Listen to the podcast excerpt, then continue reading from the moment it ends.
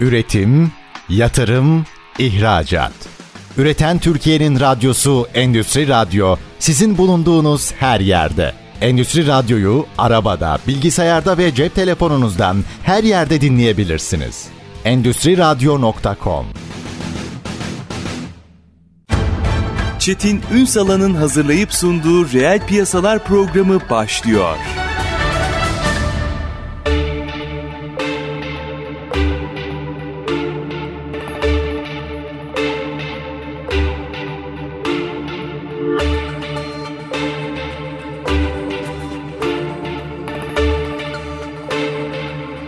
Reel piyasalardan merhabalar. Türkiye'nin gerçek gündeminde birlikteyiz efendim. Bugün ana etiketimiz, ana konuşacağımız konu endüstriyel motor ve pazarı. Bu alandaki eğilimleri, enerjiyle ilgili yaklaşımları, piyasadaki yaşananları hepsini konuşacağız. Hem de sadece Türkiye özelinde değil, dünya genelinde de aslında nasıl bir eğilim var. Bütün ekonominin, bütün sanayinin, bütün üretimin dönüştüğü bir e, noktada endüstriyel motor pazarında neler yaşanıyor? Biraz onu mercek altına alacağız. Kıymetli bir konumuz var. Yanmar Türkiye Endüstriyel Motorlar İş Kolu Müdürü Bahadır Birgücü bugün reel piyasaların konu. Sayın Birgücü hoş geldiniz. Hoş bulduk. Çok teşekkür ederiz davetiniz için. Estağfurullah ben teşekkür ediyorum. Üstadım şimdi dönüşüm, çevre, motor, güç hepsini konuşacağız. Enerji. Ama ilk önce galiba pazarı konuşarak başlamak lazım. Endüstriyel motor dediğimizde birincisi ne anlamamız gerekiyor? İkincisi hem bizde hem dünyada nasıl bir pazar var? Endüstriyel motor dediğimiz zaman aslında bildiğimiz herkesin kullandığı otomobil motorlarından çok farklı değil görüntü olarak ama yapı olarak daha düşük yakıt tüketimiyle daha fazla verim alabildiğimiz iş makinalarında, jeneratörlerde, endüstriyel alanlarda, insan gücünün ihtiyacı olduğu yerde daha kolaylık sağlayan makinalara uygulanan motorlar. Bu motorlar için aslında yaklaşık biz bizim markamızın önde olduğu 110 yılı aşkın bir geçmişi var motorların. Otomobil tarihi kadar eski neredeyse aslında. Eşlik etmişsiniz yani. evet. evet. bir anlamda. Evet. Tabii zaman geçtikçe motorlar önce hep insana yardım, iş gücüne yardım. Nasıl daha az yorulur insanlar ve motor bağlı olduğu makineye nasıl daha fazla verim alınır diye düşünülürken daha sonra tamam bu yardımcı oluyor ama daha az çevreyi nasıl kirletir? Daha az yakıt nasıl yakar? Daha az yer nasıl kaplar? Daha uzun süre nasıl ilerler? Çünkü yine otomobilden örnek vereyim size. Bu makina böyle söyleyeyim size sürdürülebilir ama bunun bakımı, bunun satış ömrü, sonrası ömrü, tarafı var. Kesinlikle tabii. kesinlikle ben bir de satış sonrası kökenliyim. Sektörde neredeyse 20 senem olacak. Satış sonrası çok önemli.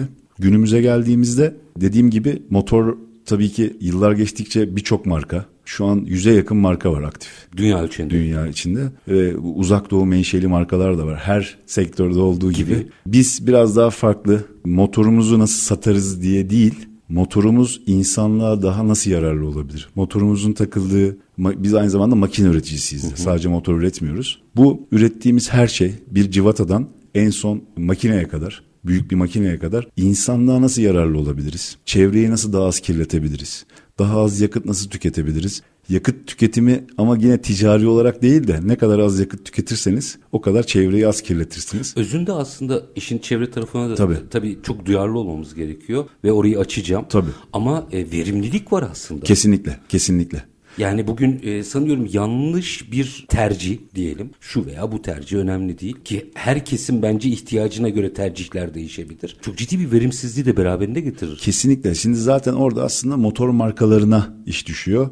Doğru kişilerin doğru müşteriyle konuşturulması. Yani sizin üreteceğiniz bir makineye doğru makineyi vermeniz, doğru motoru seçmeniz lazım. Hatta bizim sektörde şey çok önemli. Size müşteri geldiği zaman sizin elinizde bir motor çeşidi yoksa bu bizde yok demelisiniz. Çünkü yapılan her satış, yapılan her proje doğru değildir aslında. Aslında bir yatırımcının kaderiyle oynayabilirsiniz. Kesinlikle. Yanlış kesinlikle, bir motorsa da. Yani bu satın alma hikayesi değil bu anladığım kadarıyla. Kesinlikle bu bir aslında sürdürülebilirlik hikayesi. Hı hı. Çünkü sadece motoru alıp bir kaportanın içine koyup devam etmiyorsunuz. O motora göre bir şanzıman seçiliyor. O motora göre bir yürüyen aksam seçiliyor. O motora göre bir statik ve dinamik hesaplar yapılıyor. O motor bir yerde kullanılmak üzere insanlar arge yapıyor. Sizin yanlış vereceğiniz bir yönlendirme, yanlış yapacağınız bir yönlendirme bütün markayı, markanın sonunda da bu çok önemli aslında endüstriyel motor tarafında. Siz ne üretirseniz üretin. Jeneratör, iş makinesi, traktör, marin olsun. Hmm aplikasyon diyoruz biz son ürünü aslında. Aplikasyonun %70'i ortalama dünyada motordur. Motor olmadan çünkü hiçbiri çalışmıyor ama yanlış bir yönlendirme hem markanın yani son mar üretici markanın akabinde de aslında günün sonunda son kullanıcı feedbacklerinden dolayı motor markasının prestijinin kaybolmasına neden oldu. Ya teşbih de hata olmazmış. İnsan vücudunun kalbinden bahsediyoruz aslında. Motorlar aslında ben aynı zamanda motorlarla ilgili eğitimler de, iç eğitimler de veriyorum. Motorun aslında tasarımı insan vücuduyla aynı. Değil mi? Evet. O yüzden hani yanlış bir kalp taşıdığınızı düşünsenize. Aynen öyle. Orada peki o zaman pazara biraz daha geleceğim ama tam bilinci konuşmamız gerekiyor. Burada pazardaki rekabete de baktığınızda oradaki seçimlerde bilinç ne düzeyde? Yani şimdi ben bir endüstriyel motor e, talep edeceğim diyelim. Tamam. Neyi nasıl talep edeceğimi biliyor muyum? Tabii ki aslında şöyle bir durum var. Sizin bir üretici olmanız lazım önce.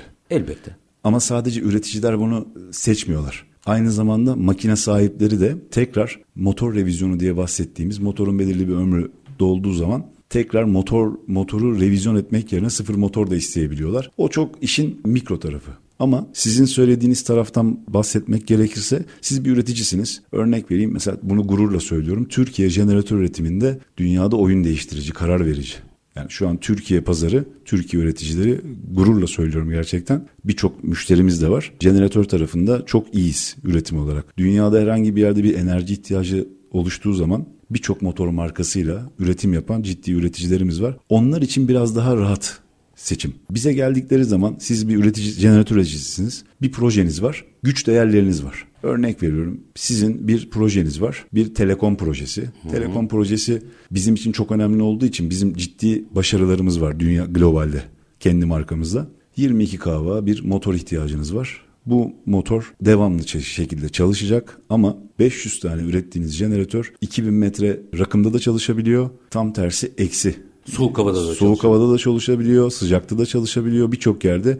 Bize gelen müşteriler, üreticiler bu konuda çok rahatlar. Biz ve aslında teknoloji ilerledikçe diğer markalar da motoru üretirlerken ihtiyaçlar genelinde birçok kondisyona hazır olarak üretiyorlar. Ama iş iş makinesi tarafına bizde değişken devirli diye gelir. O talepler geldiği zaman iş biraz değişiyor. Orada mühendislik tarafı ve aplikasyon tarafı işin içine giriyor. Çünkü yeni nesil elektronik motorlarda motoru seçmeniz o kadar önemli ki akabinde elektronik destekler, hidrolik ekipmanlar bunların birbiriyle çok ciddi uyum sağlaması gerekiyor. Orayı biraz açsanız çünkü o bir teknolojik dönüşümden bahsediyorsunuz. Tabii tabii tabii aynen. Şimdi zaten biz marka olarak 90'lı yıllardan itibaren iş makinesi tarafında çevreye duyarlı motorların öncüsüyüz. Çünkü iş makineleri dünyanın her yerinde, her ortamında çalıştığı için sadece o işi en güzel şekilde yapsın, en az yakıtı yaksın, operatörü en az yorsun şeklinde değil de bunu yaparken de biz çevreyi, doğayı nasıl kirletiriz, çocuklarımıza, bizden sonraki nesillere nasıl daha güzel bir dünya bırakırız diye uğraşan bir firmayız. Burada bize üretici geldiği zaman öncelikle hangi ülkeye satacağını soruyoruz. Niye? Ne fark eder? Regülasyonlar var çünkü. Hmm.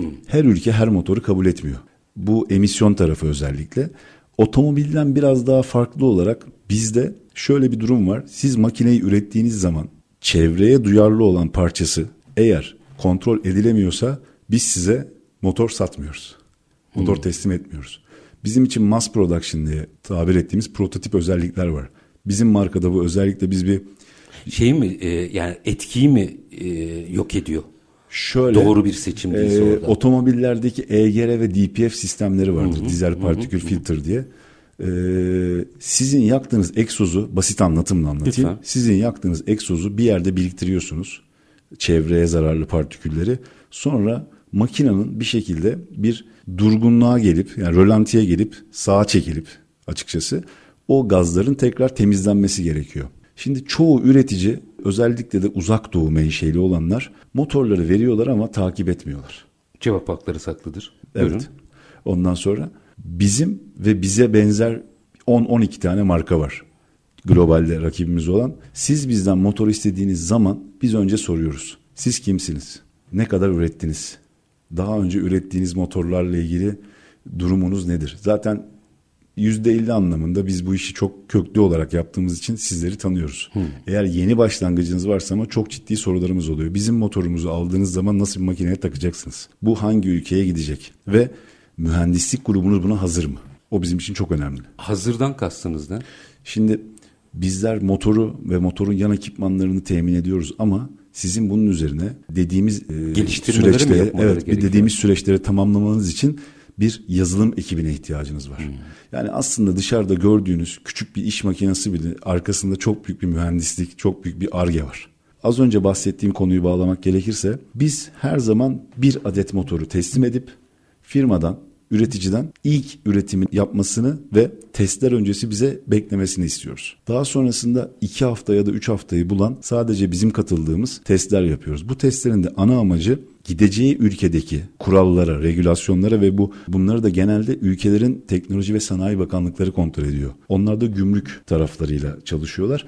Yani siz burada yanlış bir ürün üretip çevre tarafında özellikle emisyon tarafında sattığınız zaman gümrükten geçemez. Doğru yönetilen sistemlerde. Aslında bir otokontrol mekanizması Tabii ki. Kuruyorsun. Biz de diyoruz ki biz zaten bunu biliyoruz. Mühendislik hizmetini markamızın sürdürülebilirliği için zaten ücretsiz sunuyoruz üreticilerimize. Biz bunu sanki her en yüksek norm hangi ülkedeyse her üretimimizi ona göre yapmaya çalışıyoruz. En yüksek kontrol kalitesinde aslında. Üstad bunu birazcık açalım. Çünkü öyle bir noktadayız ki kaç yıllık firma dediniz? Yani bizim 113 yıl aslında. Yani Bu sene 113. yılımız. Tamam, 113 senedir olanların değişmeye başladı. Teknolojinin Tabii. değiştiği, enerji algısının evet, değiştiği evet, evet, evet. bir noktaya doğru evet. gidiyoruz. Biraz bu değişimi okumak istiyorum. Tabii. E, çünkü bu aynı zamanda belki endüstriyel motor üzerinden sanayinin nereye evrileceğini de Çok bize doğru. anlatacaktır. Minik bir araya gidelim. Tabii Aranın ki. ardından işin bu boyutunu endüstriyel motor pazarı üzerinden konuşmak isterim. Yanmar Turkey Endüstriyel Motorlar İş Kolu Müdürü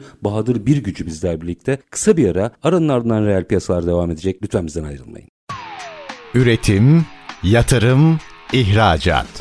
Üreten Türkiye'nin radyosu Endüstri Radyo sizin bulunduğunuz her yerde. Endüstri Radyo'yu arabada, bilgisayarda ve cep telefonunuzdan her yerde dinleyebilirsiniz. Endüstri Radyo.com Kısa bir aranın ardından reel piyasalarda tekrar sizlerle birlikteyiz. Endüstriyel motor pazarını bu alandaki eğilimler de dahil olmak üzere mercek altına alıyoruz. Yanmar Türkiye Endüstriyel Motorlar İş Kolu Müdürü Bahadır Birgücü bugün konuğumuz. Şimdi aslında girizgahta kriterleri çok güzel ortaya koydunuz. Anladığım kadarıyla bu konu önümüzdeki süreçte yine konuşulmaya yani üretim devam ettiği sürece konuşulmaya devam edecek bir başlıktan bahsediyoruz ama hani dediniz ya 113 sene o bütün hikayenin aslında yeniden kurgulandığı bir dönemdeyiz. Yani Evet yine motor üretebilirsiniz ama dünkü motorla yürüyemezsiniz. İşler değişiyor, üretim metodolojisi değişiyor, teknoloji değişiyor. İşte alternatif kaynaklar, enerji kaynaklarından bahsediyorum. Yeni verimlilik vesaire falan algıları geliyor. Bütün bunlar bu pazardaki kurguyu nasıl değiştiriyor? Bunu da merak ederim. Burada şu an hali hazırda hala endüstriyel dizel motor üreten firmalar eğer yakın gelecekte batarya yatırımı, elektrik motor yatırımı ve hidrojen destekli hibrit motor yatırımı yapmayanlar sürdürülebilir olmayacaktır maalesef. Ne zaman ki siz iş makinesi tarafında ki bu çok zor. Hı hı. Ben bu işin içinde olmama rağmen benim bile bazen kabullenemediğim kondisyonlar var. Örnek veriyorum tarımda, traktörde elektrik motoruna geçmek ya da hibrit motora geçmek baktığımız zaman gerçek realitede çok zor geliyor. Çünkü yüksek performans istediği Tabii için. ki. Çünkü şöyle değişken kondisyonlar var. Siz sabah tarlanızı sürmeye çıktınız ama yağmur yağıyor. Yağmur yağdığı zaman da çamur oluyor. Çamura geldiğiniz zaman daha fazla torka, daha fazla güce, daha fazla yakıta ihtiyacınız var. Ha, hava koşulları motorun performansını etkiliyor tabii. Tabii ki tabii ki çünkü şimdi kuru bir zeminde gidecek bir süreç var. Bir de çamur olduğu zaman gidecek ve arkanızda bir pulluk, arkanızda bir ekipman, ağır bir ekipman var. Dizel motorlar şu an hali hazırdaki ve bütün markaların çevreye saygı gösterdiği tasarımlar da dahi tam anlamıyla %100 dizel, endüstriyel kompakt dizel motorlar buna imkan sağlıyor. Çünkü şöyle bir durum var. Sizin bu sene tarlanızı sürdünüz ama sorun yaşıyorsanız bir üst güce, bir üst traktöre ya da bir üst iş makinesine geçebiliyorsunuz. Hı hı. Ama elektrikli motora geçtiğiniz zaman batarya ve elektriğe normalde sizin bir saat süreceğiniz kuru tar, alan diyelim, tar, kuru tarla. alanı 20 dakikada çamurda yapmanız gerekecek ya da tarlanın ortasında kalacaksınız. İşte orada aslında belki de yine dizel bir traktör gelip sizi çekmek zorunda kalacak. Çok enteresan bir şey tabii, bu. Yani tabii. o peki mesela hibrit mi gündeme gelecek? Ne bunun çözümü için ne tartışılıyor? Şimdi iş makinesi tarafında yani şehir ya da elektriğin olduğu taraflarda bu daha sürdürülebilir. İşler biraz daha kolay. Tabii, tabii. tabii. Elektrikli iş makineleri şu an prototipler ya da seri üretimler ufak ufak başladı aslında globalde. Hı hı. Ama elektrikli iş makineleri alanlarının da yine şehrin yani şehirde elektriğin bulunabildiği yerlerde ya da yine dizel bir motorun jeneratörle elektrik sağlayabileceği yerlerde kullanılıyor. Çünkü güneş enerjisi çok zor. Küçük bir iş makinesinde koyacağınız panel ne kadar verim verecek ki zaten hangi bataryayı dolduracak? Bu sefer küçük iş makinesi olmaktan çıkıyor. Hmm. Çünkü batarya verimliliği o miniklerden değil mi? Böyle tabii tabii. Neredeyse tabii. birkaç fuarda görmüştüm. Oyuncak gibi. Tabii böyle. tabii evet. tabii tabii. Onlarda elektrikliye geçmek daha kolay. Daha yeni bir makineyi inceleme imkanım oldu yurt dışındayken. Elektrik fişi var, uzun bir kablosu var. Eski elektrik süpürgeleri elektrik gibi. Evet. gibi.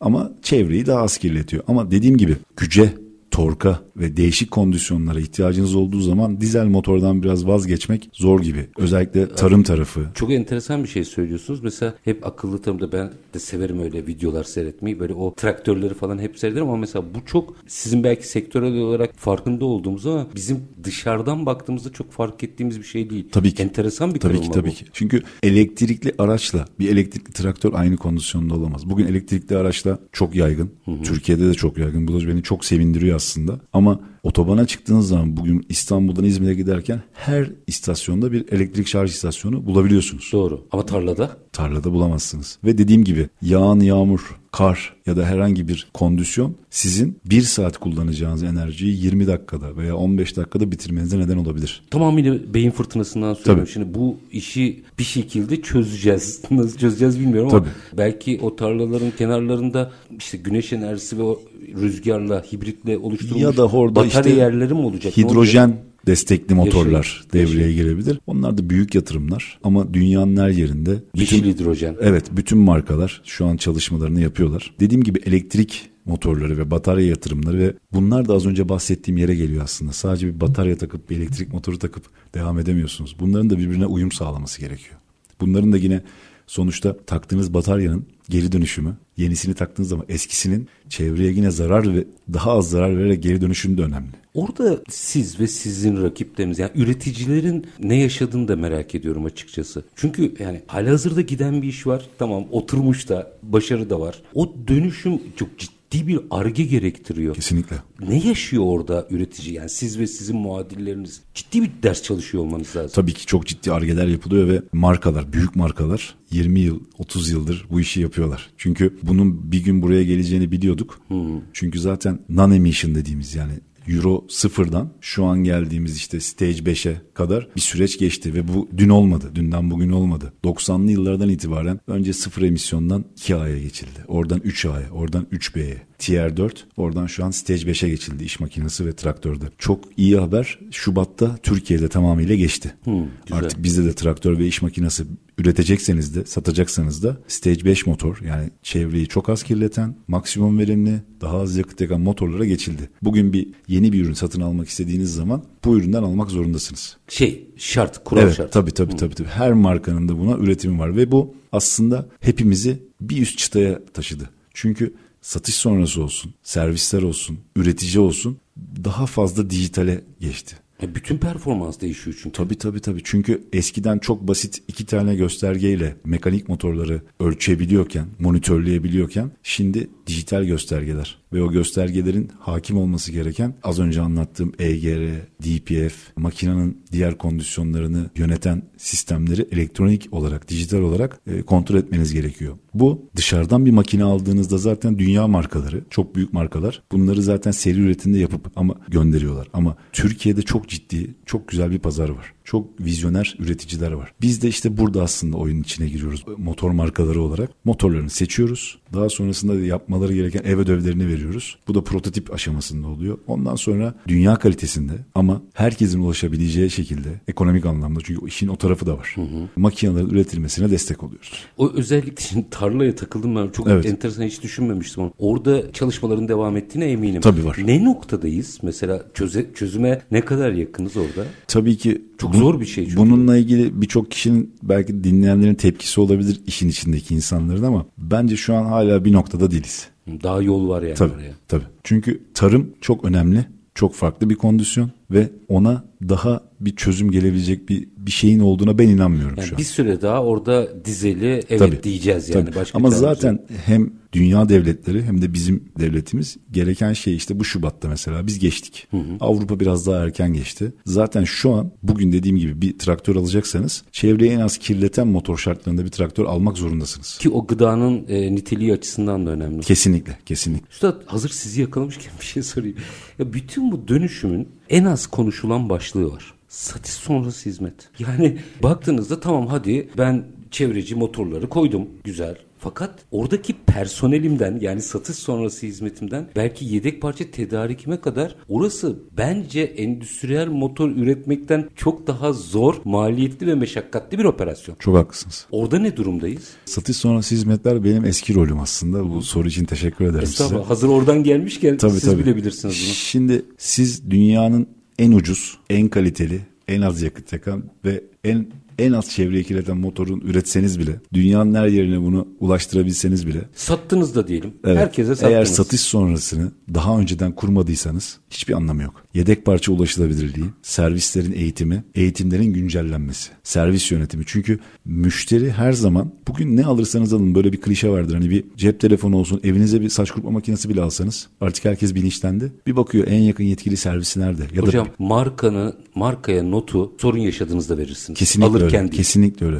Herkes kötü hikayeler hatırlar Hı-hı. aslında. Satış sonrasında da bizim için motor markaları için özellikle elektronik destekli motorlarda, elektronik kontrollü motorlarda daha motorlar çıkmadan kendi içimizdeki iç haberleşmeden eğitimler başlar aslında. Hı. İki sene sonra, bir sene sonra böyle bir motor gelecek. Bunun üretimi başlayacak. Bununla ilgili bir diagnostik, otomobillerde de olduğu gibi arıza tespit cihazlarımız vardır. Ama bu tabii ki arıza tespit cihazları böyle bir sihirli bir alet değil. Bunu kullanacak kişinin Analiz de tabii lazım. bunu kullanacak kişinin de ona uygun kalitede ve donanımda olması lazım. O da işte satış sonrası hizmetlerin eğitim tarafında devreye giriyor. Sizin bir markaysanız, bir motor üreticisiyseniz eğitimlerinizi bir sene önceden, iki sene önceden planlayıp çünkü sadece sizin Türkiye'de motor sattığınız üreticilerinize sorumluluğunuz olmuyor. Sizin motorunuzun içinde bulunduğu yurt dışında üretilen makineler de geliyor ülkenize. Satış sonrası tabii, sadece tabii. tabii. Yani örnek veriyorum siz bu sene bin tane motor sattınız. Bin tane iş makinesi üretildi. 2000 tane de yurt dışından geldi. OEM Importer diye Hı-hı. tabir edilen yurt dışında üretilip Türkiye'ye gelen iş makinesi grupları var. O yüzden hem servisinizin buna yetkinliği olması lazım, diagnostiğe hakim olması lazım ve en az her 3 ayda bir güncellenmesi lazım. O kadar da hızlı gelişiyor değil mi? Tabii ki tabii ki. Çünkü birçok arıza aslında sahada karşılaşılıyor. Çünkü siz ne yaparsanız yapın sahadaki arıza her operatör kendisinde bir dinamik barındırır. Her kullanıcı. Çünkü siz fabrikada örnek veriyorum 10 tane senaryoyu yaşarsınız ama parmak izi gibi. Biraz doktorluk gibi vaka tecrübesi. Tabii tabii tabii tabii. Ve bu işin güzel tarafı arge aslında sahada devam eder. Hmm. Yani, o geri bildirimi almanız tabii ki, gerekiyor. Tabii ki, tabii ki. Örnek veriyorum bir motorun enjektöründeki, yakıt pompasındaki, hava filtresinin konumlandırılmasındaki, radyatörün önündeki korumanın tasarımına kadar ARGE aslında değiştirilebilir durumlarda devam ediyor aslında sahadaki geri dönüşlerden. Bunu özellikle sormamın nedeni otomobilden yola çıkalım. Şimdi zaman zaman ben burada işte telefon bağlantıları yapıyoruz buraya konuklarımız oluyor falan. Mesela böyle uyarılar geliyor orada. Kaza yapmış elektrikli bir otomobili bilmiyorsanız dokunmayın. İşte çekerken bir şeylere dikkat edin. Servise çektiğinizde operasyonu farklıdır gibi düşünün. Aynı şey endüstriyel motorlar için de geçerli o zaman veya araçlar için de geçerli. Orada teknolojiyi halledersiniz. Bu teknoloji sorun yok. Oradaki insan kalitesi getirince gelişti mi? Servis anlamında servis anlamında. Servis anlamında aslında her sektörde olduğu gibi büyük şehirlerde Başlıyor. biraz daha gelişti ama iş makinesi ve jeneratör tarafında gelişim devam ediyor. Gelişim iyi durumda. Çünkü bu sektörde kullanılan iş makineleri ve jeneratörlerin %30 %35 payı kiralamada kullanılıyor. Hmm. Kiralama dediğiniz şey de aslında çok bir beklenti yaratıyor müşteride.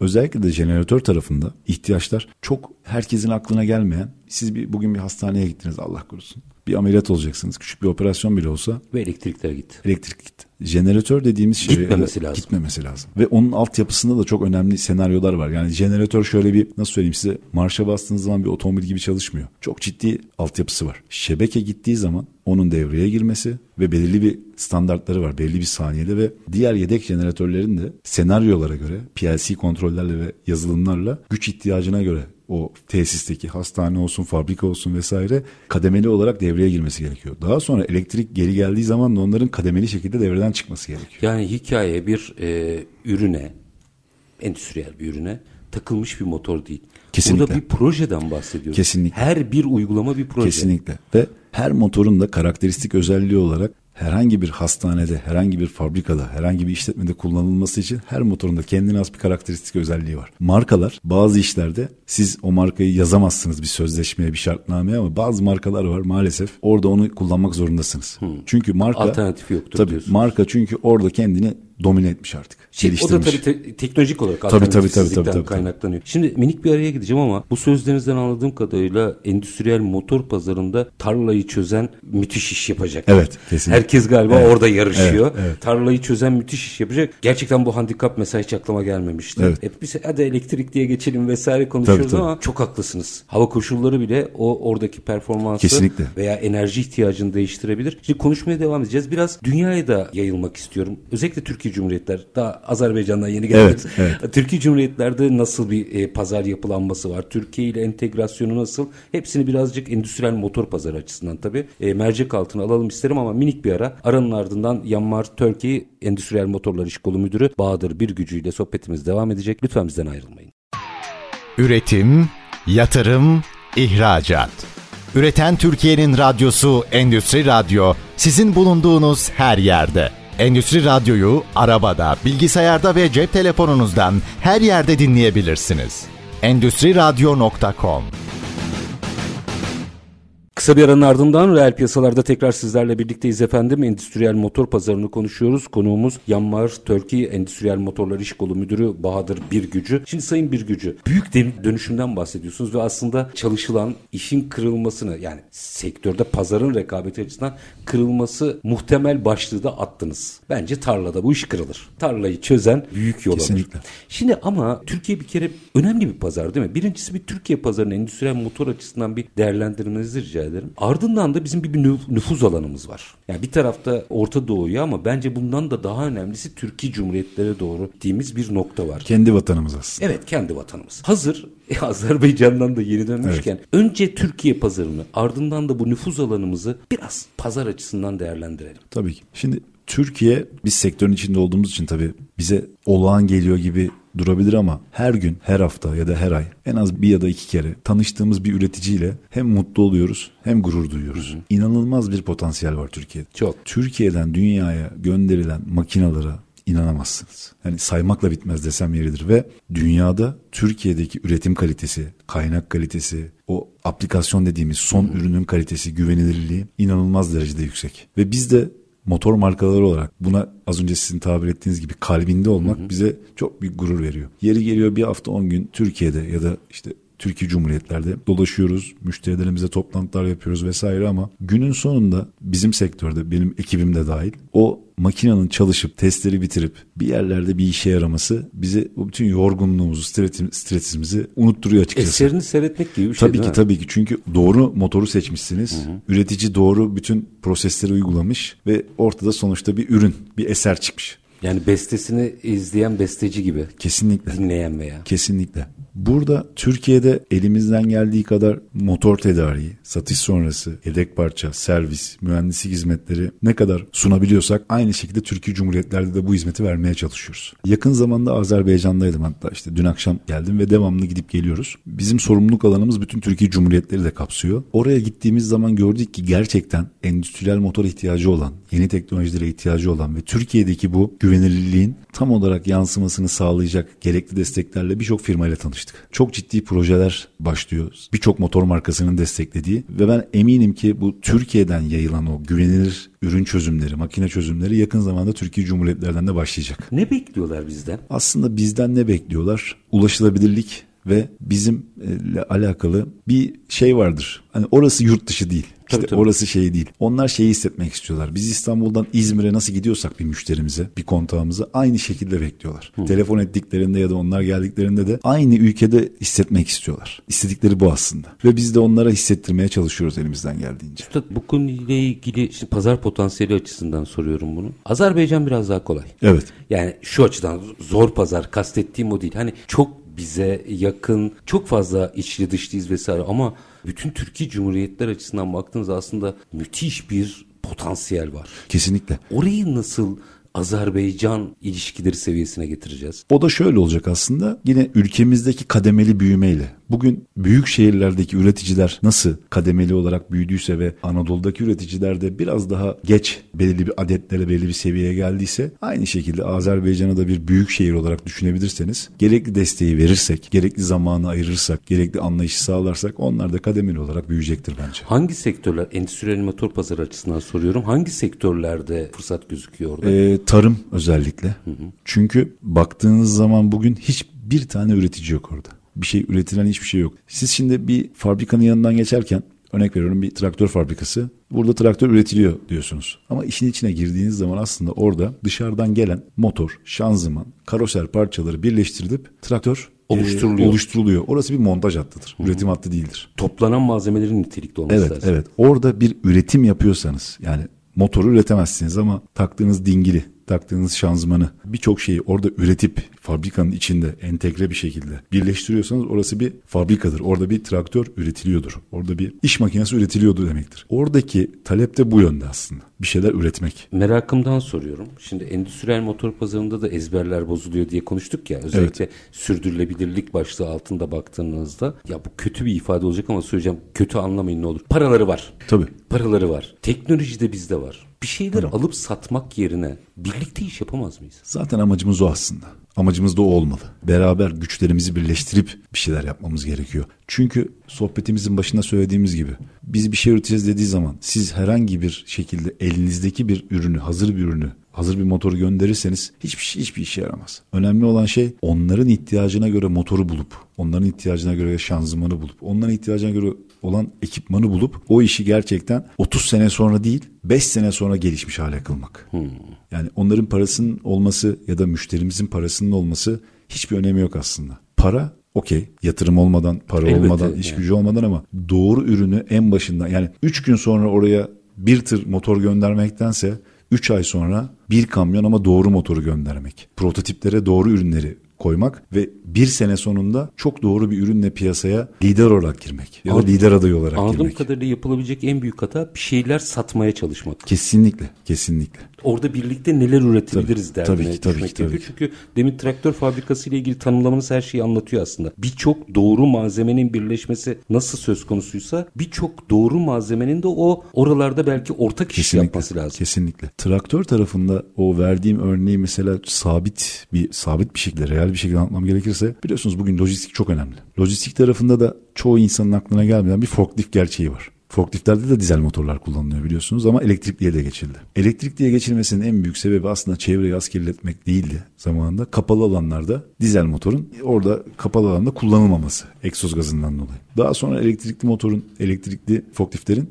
çevreye yararlı olduğu da anlaşıldı ve bu yaygınlaştı. Bugün lojistik durursa her şey durur biliyorsunuz. Doğru. Ciddi bir depoya örnek veriyorum bir e-ticaret firmasının deposuna gittiğiniz zaman bir ihtiyacın iki katı forklift görürsünüz elektrik. Çünkü bir saat sonra veya da iki saat sonra bilemediniz dört saat sonra onun gidip şarj olması gerekiyor. O sirkülasyon Tabii. sağlaması lazım. Ki yedeği tekrar işe başlasın ki öte yedeğinin yani çalışanın şarjı bittiği zaman öteki tekrar şarja gidecek. İşte tarımda da aslında aklımıza gelmesi gereken resim bu büyük resim. Yani ya bir traktör yerine beş tane traktörünüz olacak. Az önce verdiğim Ki örnekte. O yani imkansız. imkansız. Öyle bir Tabii. yatırım da gereksiz Tabii. zaten. Tabii. Çok enteresan. Ya bir beş dakikam var. Bir beş dakikada şu karbon salınımı meselesini başka bir açıdan sormak istiyorum. Tabii size. ki. Şimdi mesela Endüstri 4.0 ya da işte dijitalleşme her ülkede değişiyor adı. Onun yani biraz size özel olacak ama yani daha doğrusu menşeinize özel bir şey soracağım. Mesela Endüstri 4.0 mı toplum 5.0 mı derseniz ben toplum 5.0'ı tercih ederim. Çünkü insan var işin içinde. Karbonla ilgili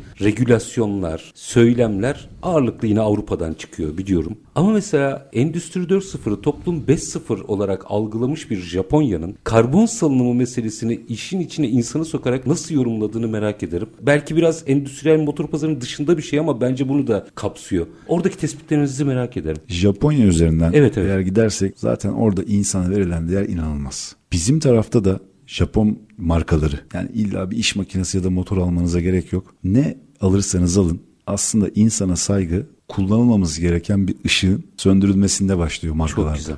Yani bizde Japon firmalarında özellikle enerjinin az harcanması, bir işte kağıt bardağın kullanılması, elektriğe işte az önce söylediğim gibi aklıma şu an gelmeyen ama birçok şey aslında bizde bir refleks haline geliyor. Çünkü her harcadığınız az enerji, sakladığınız enerji aslında, save ettiğiniz enerji geleceğe bir yatırım. Çok ufak bir şey bile olsa. Ve biz Japon firmalarında bu kültürle çalışıyoruz. Bu tabii oradan başlayan ve insana ve geleceğe saygıyla da devam ediyor aslında. Karbon meselesinde de anladığım kadarıyla yine insan temelli bir Kesinlikle. yaklaşım var.